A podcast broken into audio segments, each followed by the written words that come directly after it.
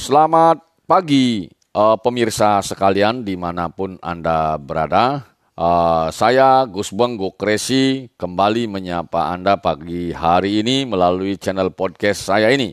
Pada hari ini Rabu tanggal 17 uh, Maret 2021. Pada pagi hari ini saya ingin uh, mereview atau uh, mencermati isu-isu menarik di media mainstream uh, beberapa hari belakangan ini. Apa itu? Uh, itu berkaitan dengan kisruh yang terjadi di Partai Demokrat di bawah uh, kendali Agus Harimurti Yudhoyono. Jadi kasus kisruh yang terjadi di Partai Demokrat yang disebabkan oleh uh, ter, dilaksanakannya KLB di Sumatera Utara oleh kubunya Marsuki Ali yang di dalamnya juga ada Pak Muldoko menjadi uh, tema atau berita yang masih menghiasi media mainstream. Berkaitan dengan isu tersebut, uh, terjadi pro kontra di tengah masyarakat.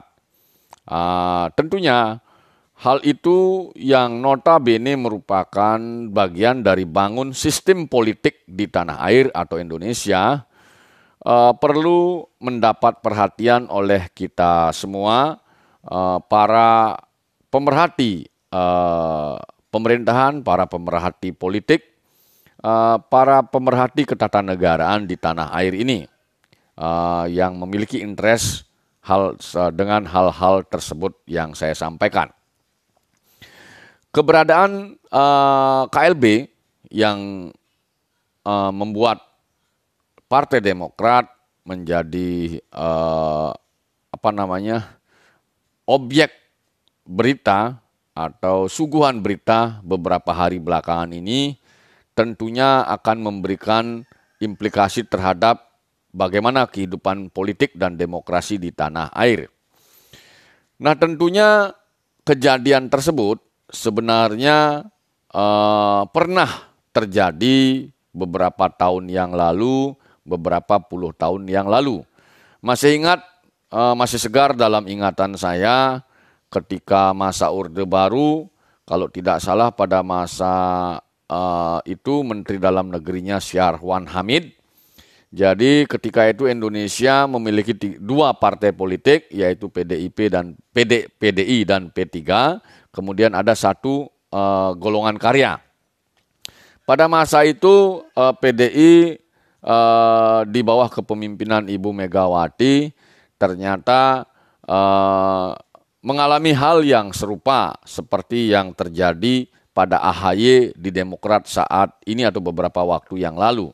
Jadi terjadi uh, semacam uh, pengambil alihan oleh uh, apa namanya kelompok-kelompok yang mengatasnamakan dirinya sebagai bagian daripada partai. Kalau dulu itu uh, kasusnya di PDI itu adalah uh, kasus PDI Suryadi yang mencoba untuk mengambil alih kepemimpinan Ibu Megawati.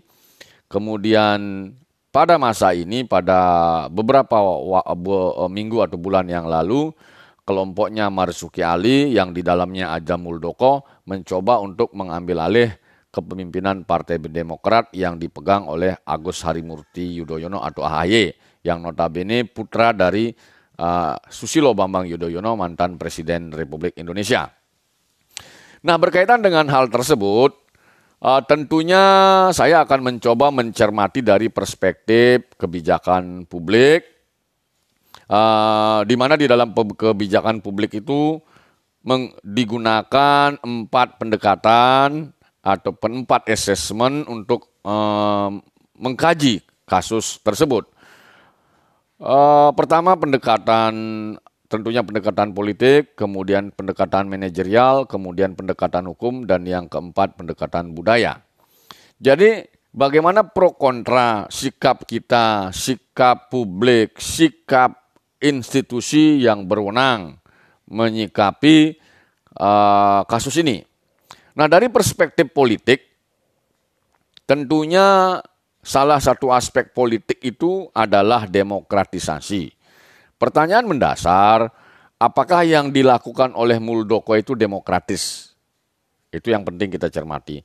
Kemudian yang kedua, lebih kritis lagi semestinya juga kita mengkaji lebih dalam.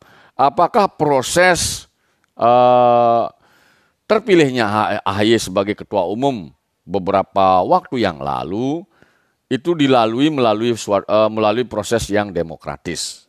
Itu pertanyaan yang mendasar.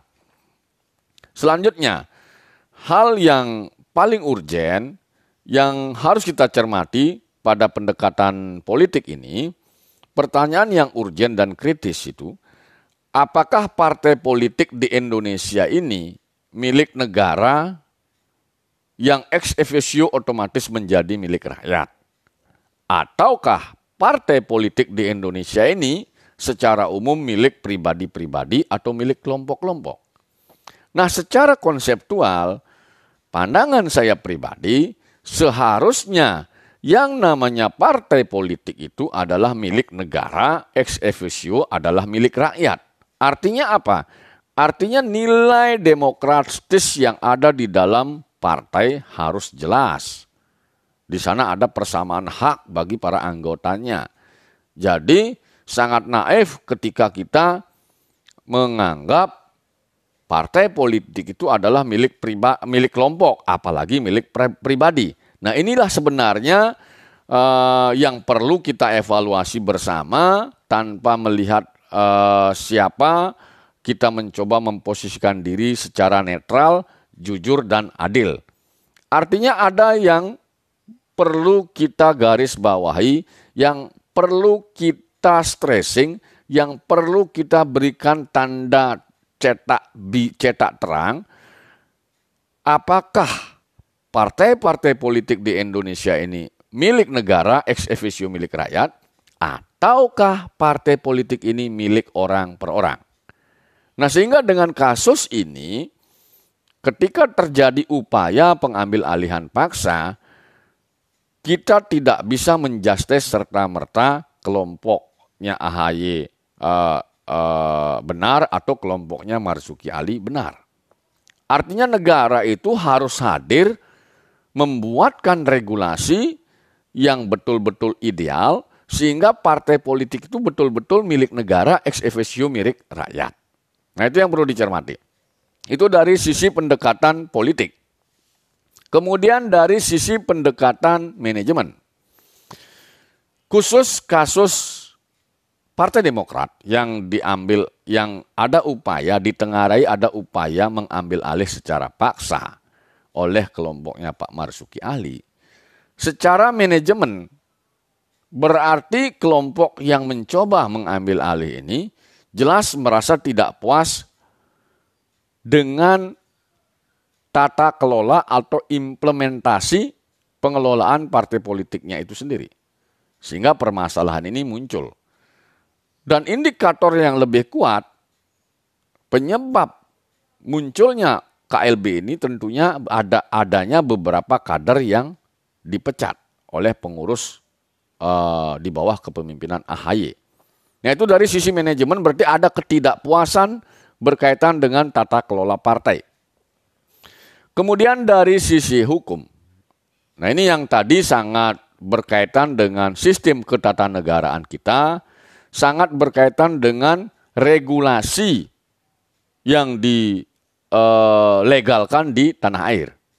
Kalau menggunakan pendekatan RIA atau uh, regulatory impact uh, assessment atau menggunakan pendekatan ROCP, rule, opportunity, kemudian uh, capacity, kemudian komunikasi, kemudian interest, kemudian uh, proses dan yang terakhir terakhir adalah uh, ideologi.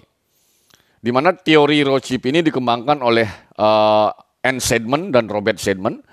Kalau kita menggunakan pendekatan uh, teori Rothschild atau teori Ria, ini titik fokusnya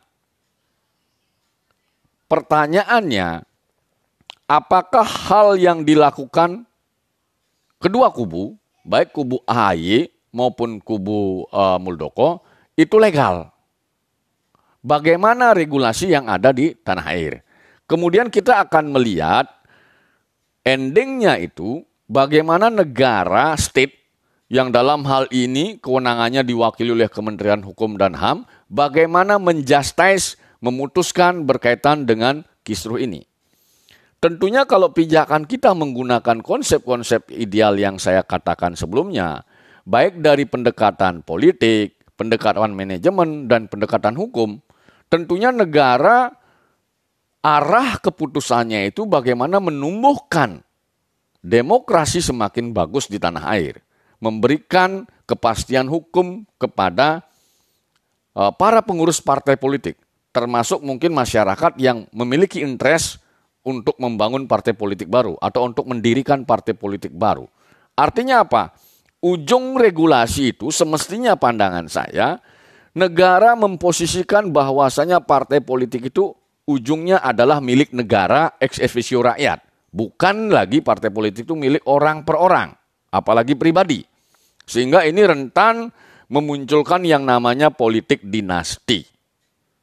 Nah, itu yang e, berkaitan dengan pendekatan hukum. Kemudian pendekatan budaya. Kasus upaya yang dilakukan oleh Marsuki Ali dan kawan-kawan yang di dalamnya ada Muldoko, ini bukan kasus pertama. Tetapi ada kasus-kasus yang serupa terjadi. Pertama bagaimana kelompok Suryadi mendongkel Ibu Megawati pada masa Orde Baru. Kemudian di internal Demokrat sendiri, klaim dari kubu uh, Marzuki Ali bahwa munculnya SBY sebagai ketua umum sebelum AHY itu pandangan mereka kurang demokratis. Nah artinya apa? Di sini nilai-nilai demokratis itu menjadi tuntutan semua orang yang melakukan aktivitas politik. Belum lagi kita bicara tentang bagaimana kisruh yang pernah terjadi di PKB, bagaimana kisruh yang pernah terjadi di Golkar, bagaimana kisruh yang pernah terjadi di P3, bagaimana kisruh yang pernah terjadi di PAN, bagaimana kisruh yang pernah terjadi di PKS. Nah, kasus-kasus ini menunjukkan bahwasanya regulasi yang kita miliki saat ini perlu dikaji ulang kembali dengan arah bagaimana membuat regulasi yang betul-betul mengarahkan bahwa partai politik itu milik negara dan rakyat, bukan milik orang per orang. Nah itu hal yang bisa saya sampaikan berkaitan dengan isu yang ramai diperbincangkan di media mainstream dan di media sosial berkaitan dengan kisruh perebutan Partai Demokrat eh, beberapa waktu yang lalu hingga hari ini masih ramai dibahas di media-media mainstream. Oke, sekalian, uh, saudara sekalian, para pemirsa di mana pun Anda berada, demikian ulasan saya berkaitan dengan tema kisruh Partai Demokrat. Apabila dalam penyampaian saya tadi ada yang kurang berkenan, saya mohon maaf. Saya tutup dengan menyampaikan pramesanti. Om Santi, Santi, Santi Om. Assalamualaikum warahmatullahi wabarakatuh. Salam sejahtera untuk kita semua. Salam Namo Buddhayo. Terima kasih. Salam dari Jembrana, Bali.